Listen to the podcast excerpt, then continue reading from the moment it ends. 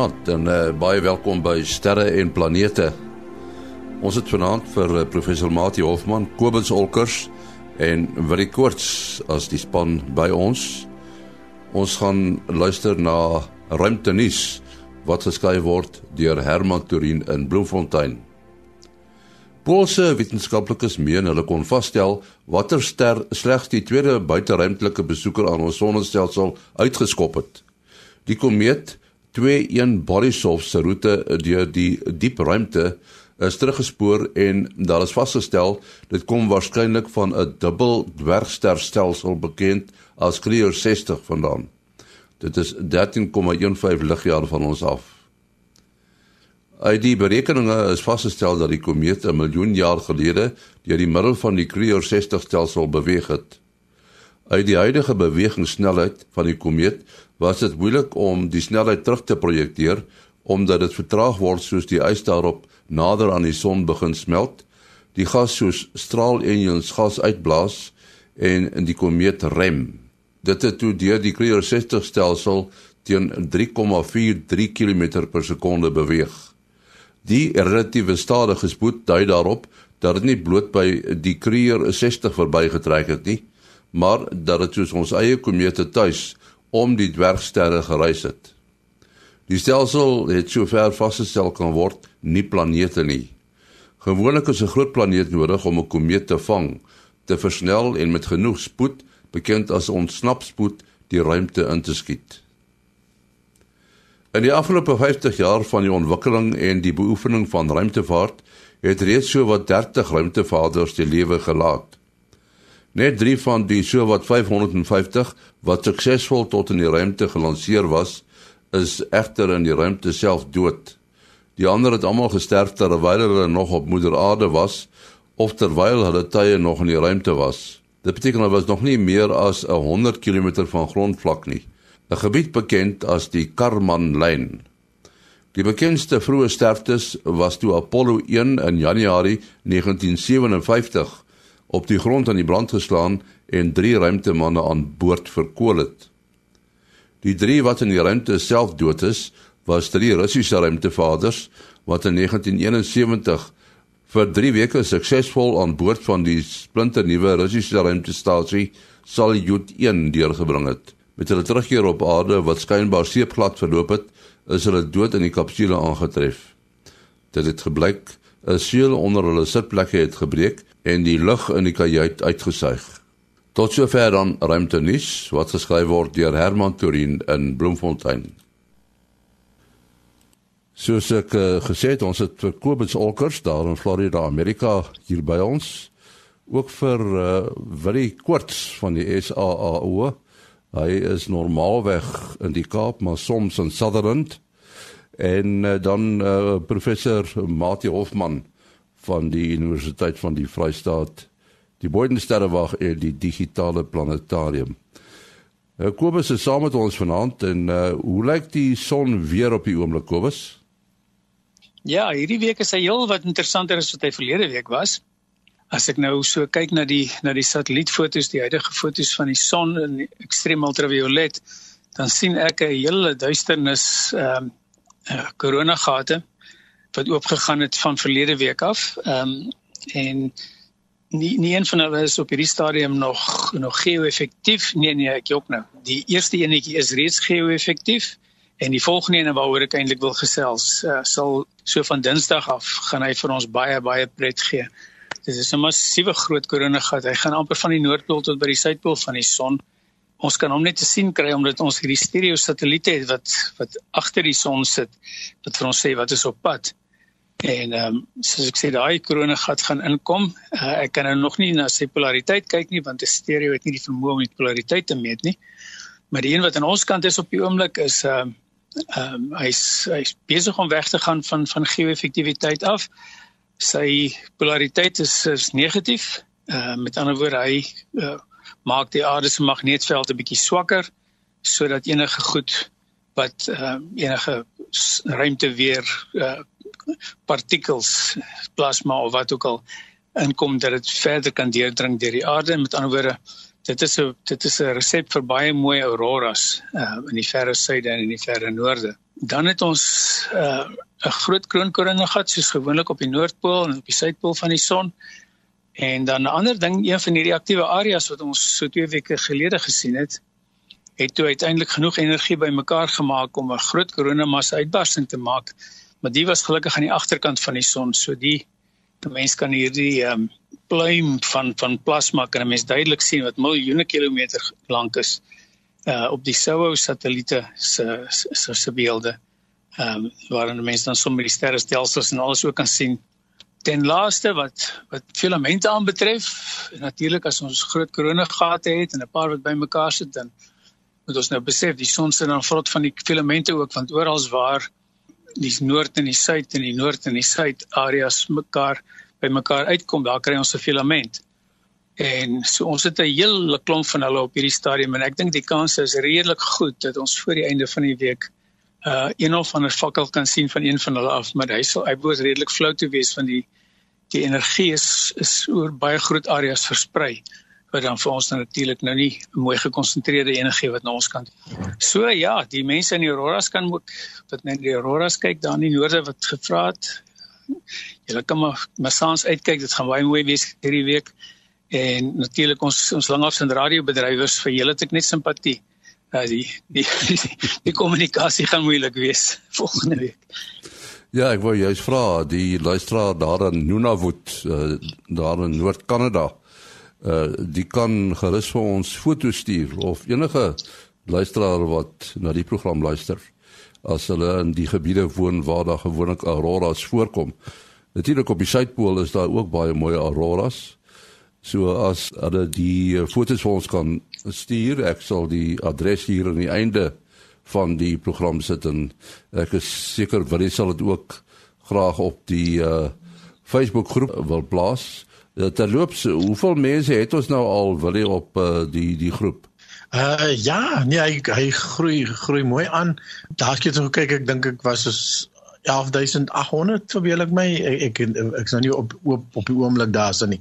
Maar ja nee, dit is 'n fenominale groei en uh gaan baie sterk aan. Ja, definitief sal ons foto's daar plaas. Mense plaas natuurlik foto's gereeld maar dan is dit nou sommer wat hulle op die internet kry of so dit dit uh dit sal nou lekker wees as jy sê as ons dalk iemand um uh, wat sy eie fotos is uh, om daar te plaas. Dit is altyd lekker om hom so uit die uit die perde bag te kry. Ja definitief. Wat jy het 'n interessante persoon deur middel van die internet ontmoet. Eintlik met WhatsApp nee Vertel ons 'n bietjie die storie. Hy uh, hy sê hy is 'n uh, baie getroue luisteraar na ons program. Ja, dis korrek. Dis dis dis Walter Hoesop, wys van van Oranje Moon, praat die pragtigste Afrikaans.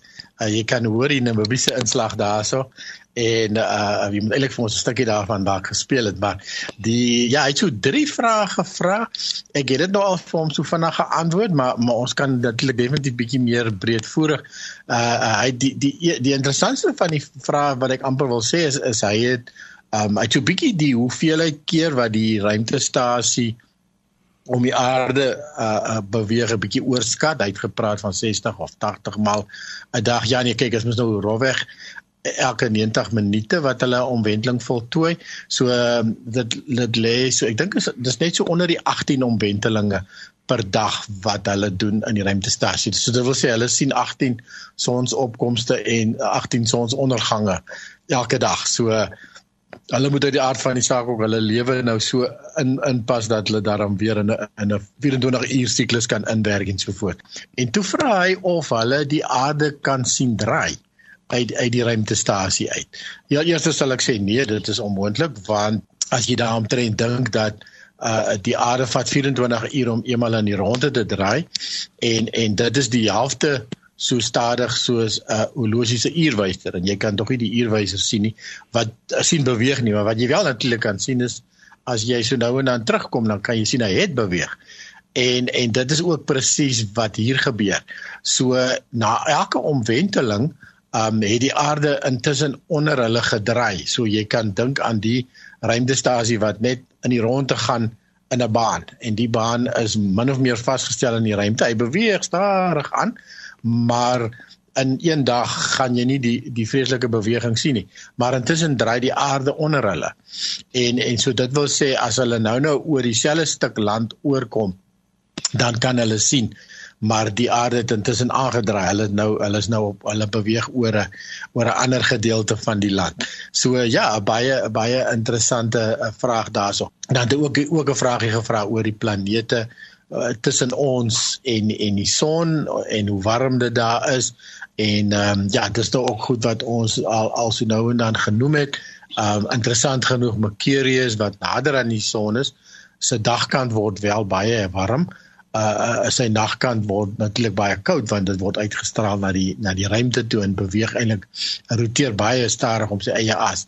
Um Venus is dan eintlik warmer om alhoewel Venus verder van die son af lê as Mercurius want Venus het hierdie digte 90 maal digter uh, atmosfeer as die aarde wat 'n uh, ongeweldige weghol kweekhuiseffek veroorsaak wat beteken dat selfs lood kan smelt op op Venus uh temperature van van ver oor die 400 grade. Terwyl wil jy nou daarvan uh, Venus en Mercurius praat, dit is iets wat die luisteraars uh, nou sommer kan vroeg aand probeer sien. Uh Venus is natuurlik maklik, hy's baie helder daar net bo die westelike horison en Mercurius nou bietjie dowwer maar vergelykbaar met die helder sterre so entjie entjie hoër as uh, Venus. Nou in die volgende paar weke tot en met 11 November gaan Mercurius uh weer nader aan die son beweeg. Ek dink hy gaan eers 'n bietjie verder in sy in sy baan, maar dan gaan hy vinnig tussen ons en die son in beweeg en op 11 November so in die uh, namiddag, ek dink uh, skuins na 2 uur tot tot in die aand gaan hy dan nou 'n transit hê ons vorige transit van Mercurius wat ons kon sien was ter 16 nie so lank terug nie uh, bietjie meer as uh, ongeveer 3 jaar. Uh so daar's nou iets wat die mense kan gaan dophou in die volgende weke. En in daai geval kan mense nou die relatiewe beweging sien want jy sien dat die voorwerpe in vergelyking met mekaar. Dit is nou altyd 'n uh, 'n probleem as jy nou sê jy wil sien iets beweeg so sê nou maar die aarde onder jou as gevolg van sy draaiing, dan moet jy dit ten opsigte van iets sien.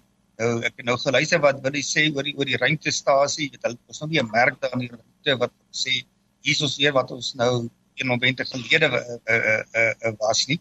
Ehm uh, maar 'n vaste lyn is is die uh, die skeiding tussen dag en nag. Uh relatief tot die aarde gaan hulle natuurlik sien in van omwenteling tot omwenteling hoe dit nou hele entjie beweeg het. Uh, ek dink dit gaan waarskynlik die maklikste manier wees om 'n vaste verwysingspunt te kry want daai lyn uh, is vas in opsigte van hulle posisie daar uh, in omwenteling en die son. Kobus, jy jy het 'n luisteraarsvraag wat jy graag wil hanteer. Ja, dit is weer eene wat uh, wat so af en toe begin te, te, terugkom na ons toe want ons het redelik lank gelede daaroor gesels. Dit is van Gerrit Strydom in Pretoria en hy het vir ons geskryf dat gegee dat ons son tans blykbaar naaste by die by die minimum aktiwiteit in sy siklus is, kan ons verwag dat die huidige aardverwarming sal afplat en omdraai om tot laer gemiddelde aardtemperature te lei. Nou dit is ongelukkig nie heeltemal so nie, want die hoeveelheid energie wat wat 'n mens nodig het om die verwarming of klimaatsverandering uh, aan die gang te kry is is nogal baie. En dit sal sommer sy sy tweede en sy derde vraag ook ook uh, gaan hanteer. Ehm um, wat wat gebeur is die vorige baie aktiewe uh, siklusse van die son uh, het plaasgevind in die einde van die 50s en weer 11 jaar later en weer 11 jaar later en al drie van hulle was baie hoog geweest. Nou die aarde is 'n massiewe groot ding. Hy het hy het oseane en hy het lug en al hierdie goed kan energie vasvang, energie opneem wat van buite af nou ingestraal word van die van die son af. So die die die oseane begin verwarm en dan as as die sonsiklus nou volgende keer weer warm is 11 jaar later, dan en hy's warm genoeg, dan kan hy hom nog 'n bietjie opskop want dan net terwyl die son nou nou stil raak in sy huidige siklus dan kan hy net so laag as 0 gaan in in in daar kan daar kan nie minder inkom as wat die as wat die son op sy minimum uitstuur nie. En so met ander woorde as ons 'n hoeveelheid energie het wat inkom op op op die drie son maksima as dit genoeg is om die aarde te verwarm en dat hy nie weer kan afkoel tot by sy vorige uh, gemiddelde temperatuur nie, dan kan die volgende baie besige sonsiklus kan dan die die die energie wat nou vasgevang is in die aarde nog 'n bietjie opstoot en dan die derde een wat gekom het, het hom nog so 'n bietjie opgestoot. So al hierdie energie is in die aarde vasgevang hoofsaaklik in die oseane en natuurlik ook in die in die in die in die atmosfeer. Dit is met ander woorde 'n baie baie baie langtermyn verandering wat plaasvind om die energie op en op en op te kry. Ons het die teenoorgestelde daarvan gesien terug terug in die um, 1500 1600 rond met die mondere minimum waaroor ons 'n paar weke gelede gesels het. Dit is nou weer 'n tyd waar die son uh vir 'n hele paar siklusse, seker 7 of 8 siklusse, amper geen maksima getoon het nie. Met ander woorde, hy kon nie die temperatuur of die, die hoeveelheid energie wat hy in die aarde se stelsel insit opstoot nie uh hy kon nie genoeg temperatuur insit om dit op te stoot as wat wat uh weggeval het in die in die lae gedeelte van die ding. So die aarde het net al meer en meer en meer van hierdie energie verloor deur straling in die ruimte in.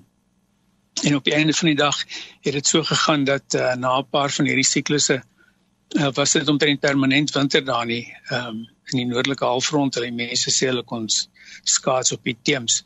So dit is nou die twee ekstreme waarna ons kyk. Ons het nou gesien, ek het hierdie ding reeds terug in die 90's geskrywe dat klimaatsverandering sien kom as gevolg van die vorige 3 intense sonsiklusse. En dit is dan wat nou aan die gebeur is. 'n Enkele sonsiklus kan nie op sy eie die die siklus omdraai of erger maak nie. Jy het 'n hele paar van hulle na mekaar nodig en 'n mens kan dit sien soos asof jy nou 'n 'n groot stuk ehm um, yster sou warm maak in 'n vuur, sien nou mense so groot as 'n baksteen, dan sal jy vir geruime tyd na die tyd kan jy nog daai daai uh, warm ding kan jy uithaal uit die vuur uit en jy kan nog eiers op hom kook en kos gaar maak en so met hy hy groot klomp energie opgeneem. As jy nou dieselfde sou doen met 'n klein stukkie yster, dan gaan hy dalk vir 'n paar minute 'n ding verwarm en dan koel hy af. En die aarde is soos daai groot stuk yster wat 'n massiewe klomp energie nodig het of om of in te kom of uit te gaan om 'n klimaatsverandering uh, aan te bring. As ons nou praat van 'n klimaatsverandering, is dit moontlik uh, teoreties dat ons weer eendag, eendag 'n monder minimum kan kry? Dis nie teoreties moontlik nie, dit is vas. Die hierdie tipe van siklusse kom al duisende, tiene van duisende, honderde van duisende van jare ver. Die mense het ehm um, uh kerns geneem by die by die pole en hulle kon hierdie hierdie uh, variasies in die in die aarde se se klimaat kon baie goed waarneem uit die uit wat vasgevang is in die ys van van soveel honderde duisende jare gelede. So dit dit gaan verseker weer kom en ons gaan verseker 'n uh, uh, erge aardverwarming ook hê. So dis nie 'n kwessie van of dit gebeur nie. Die die hele ding met uh as 'n mens met groot stelsels werk, so sien nou maar die son. Uh wat wat 'n massiewe groot massa is en waar daar sulke komplekse bewegings op plaasvind en byvoorbeeld op die aarde waar nou baie korttermyn ding is wat ons kan waarneem soos die weer. Hierdie hierdie stelsel wiskunde wat jy nodig het om dit goed uit te werk is nie so eenvoudig soos ons goed wat ons op skool geleer het waar jy 'n sinusgolf kan teken met 'n eenvoudige vergelyking of so iets nie of jy kan 'n parabool teken of enigiets van so ding nie. Dit is 'n ding waar jy die kompleksiteit is so groot jy kry effekte soos die Engels daarvoor is jy kry 'n strange attractor in in in die ding en wat die ding is as jy kry 'n oscillasie wat nie of so op die oog af lyk hy asof dit 'n gewone oscillasie is soos nou 'n golf wat oor die oor die see na jou toe aankom. Maar as jy mooi na hom begin kyk dan sien jy hy's meer kompleks. So af en toe is daar meer meer golwe en partykeer is daar minder golwe en hulle kanselleer mekaar en dis soort van goed. So baie komplekse stelsel. En die, die aarde se klimaat net soos die son se se eie interne klimaat is baie kompleks. En jy kan partykeer 'n ding kry wat jy sit 'n klomp energie in hom in, dan is dit soos 'n potlood wat jy op sy punt probeer ehm um, balanseer. Jy weet nie presies watter kant toe hy gaan vat nie. Dit gaan 'n geringe asempie of so vat om hom sê nou maar weg van jou af te laat val.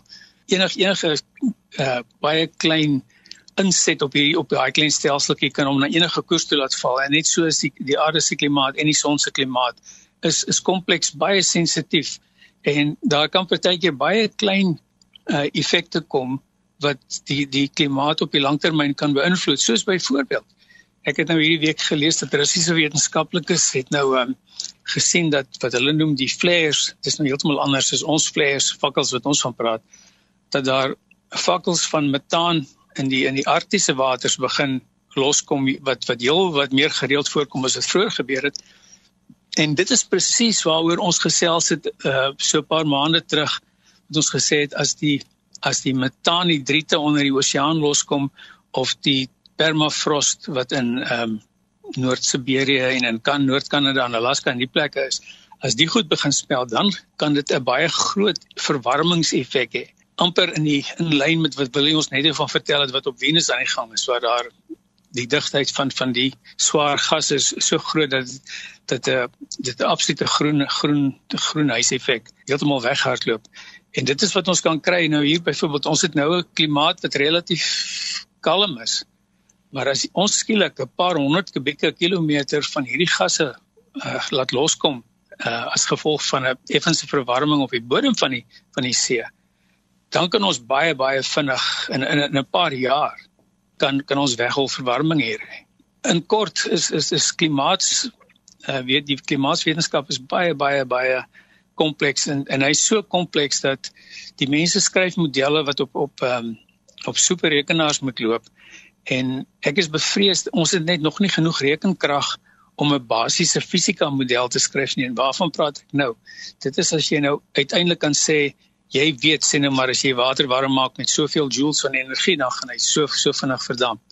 Maar daar's soveel van hierdie verskillende effekte dat ons hulle nie almal in ag kan neem om presies te sê wat die klimaat gaan doen nie en die mense wat met die klimaat werk doen maar hulle beste. Wat wat ek nou net oor wonder in die geval van die die die natuurlike effekte soos die son, daar's 'n sekere uh tydvertraging. Dit vat 'n sekere tyd wat wat in die orde van sien nou maar 'n dekade plus is nê. Ja. Die effekte om nou reg uh uit te kristalliseer. Nou kom ons sê nou hipoteties daar gebeur nou 'n dramatiese uh, ding of mensgemaak of of natuurlik soos 'n vulkaan of 'n uh, vrylating van metaangas uit die oseane uit maar iets taamlik radikaal. Hoe lank sou die die tydskaal waarvolgens dit dan 'n globale effek sou kon hê? En dan as dit dan nie weer voorkom nie, hoe lank dit nou weer vat voor daardie effek die natuurlike prosesse weer weggewerk jy weet dit hang alles af van van watter proses wanneer wanneer watter proses na jy na kyk. Ehm um, as jy byvoorbeeld nou gaan kyk na die metaan uh loslatings uit die oseaan uit veral hier in die uh Suid-Atlantiese Oseaan naby die Amazonese uit uit uh Amazone rivier se uitgang. Daar is 'n derduisende kubieke kilometers van hierdie metaanhidriete wat lyk soos 'n slush puppy. Ehm um, en my kom in die brandsteek is vasgevang. En die goed kom los as gevolg van 'n toename in temperatuur op die seevloer waar daai goed sit. Ehm um, so as jy nou in so 'n proses kyk en hulle begin loskom, dan gaan jy 'n positiewe terugvoerlus hê, soos hierdie kringfluitte wat 'n mens kry as jou mikrofoon is so fluit in die by die by die bazaar en so aan. Hoe warmer dit dan word as gevolg van hierdie goed wat loskom, hoe meer beïnvloed dit nou weer die oseane om nog warmer te word en daai goed te laat loskom en jy weet dis dan 'n weghardloop proses en en so dan kan baie vinnig as as as jy eers so so stelsel wat so krities is soos daai aan die gang sit dan gaan hy nie ophou om dit goed vry te laat voor alles nie uit vrygelaat is nie. Ek sou dink dit is 'n goeie ding vir iemand om 'n een of ander tyd 'n PhD of 'n ding op te doen om om om te te probeer vasstel wat is die uiteindelike maksimum hoeveelheid van hierdie metaan wat kan loskom en wat en en om die berekening as jy soveel metaan in die atmosfeer het is relatief maklik hmm. om om om te bereken wat die maksimum temperatuur dan gaan wees. Kan ons nie daai metaan gaan uh, uh gebruik is ek net jy praat van enorme volumes uh wat kan ons nou uh, uh as 'n ontbrandingsgas gebruik word om elektrisiteit op te wek. Dit is natuurlik nou 'n ekonomiese ding. Uh maar laat dit meer geleidelik Dis 'n vreeslik interessante vraag daai. My vrou Marita dit het dit in die week het ons ook daaroor gesels. En die probleem daarmee is ons het nog nie 'n manier om die goed te ontgin sonder om die res ook los te laat nie. As jy gaan kyk na hierdie hierdie drie pockets soos hulle dit noem wat so onder die see sit. van hierdie goed uh, het byvoorbeeld al veroorsaak dat dat skepe sink sonder spoor. En dis een van die stories wat met die ehm uh, ehm uh, wat is hierdie ding daai driehoek Bermuda driehoek. Wat die Bermuda driehoek ja. Uh, gebeur het. Daar is en toevallig is in daai in daai area is daar 'n klomp van hierdie van hierdie uh, uh gasse vasgevat. En mense het al eksperimente gedoen en gekyk as hulle as jy nou 'n 'n boot het wat wat ergens dryf en jy los so 'n klomp gas onder hom los, dan val hy soos 'n baksteen tot op die seevloer. Dan dan dryf hy nie meer nie.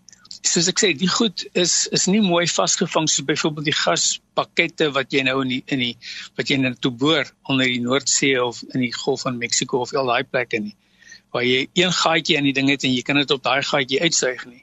Hierdie goed is versprei oor oor duisende honderde kilometers.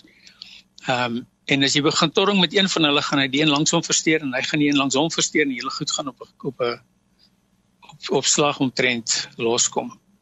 En daai tipe van re reaksie kan soos ek sê baie baie vinnige klimaatsverandering aandring terwyl as ons nou byvoorbeeld die son het wat sinema het nou skielik trek hy los en hy gee vir ons vakkels vir die volgende 5 jaar soos wat ons nog nooit gesien het nie 'n Carrington event elke week of so.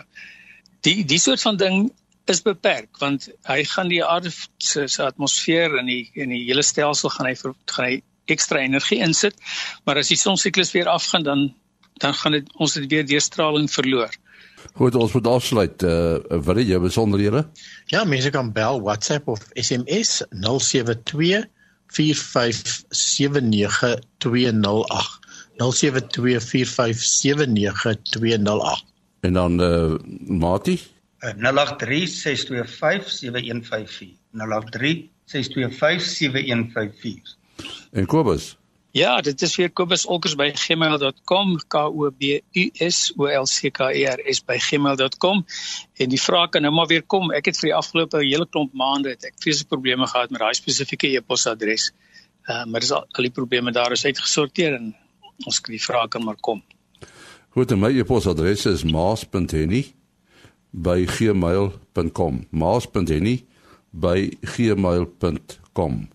Volgende week is ons terug. Tot dan, mooi loop.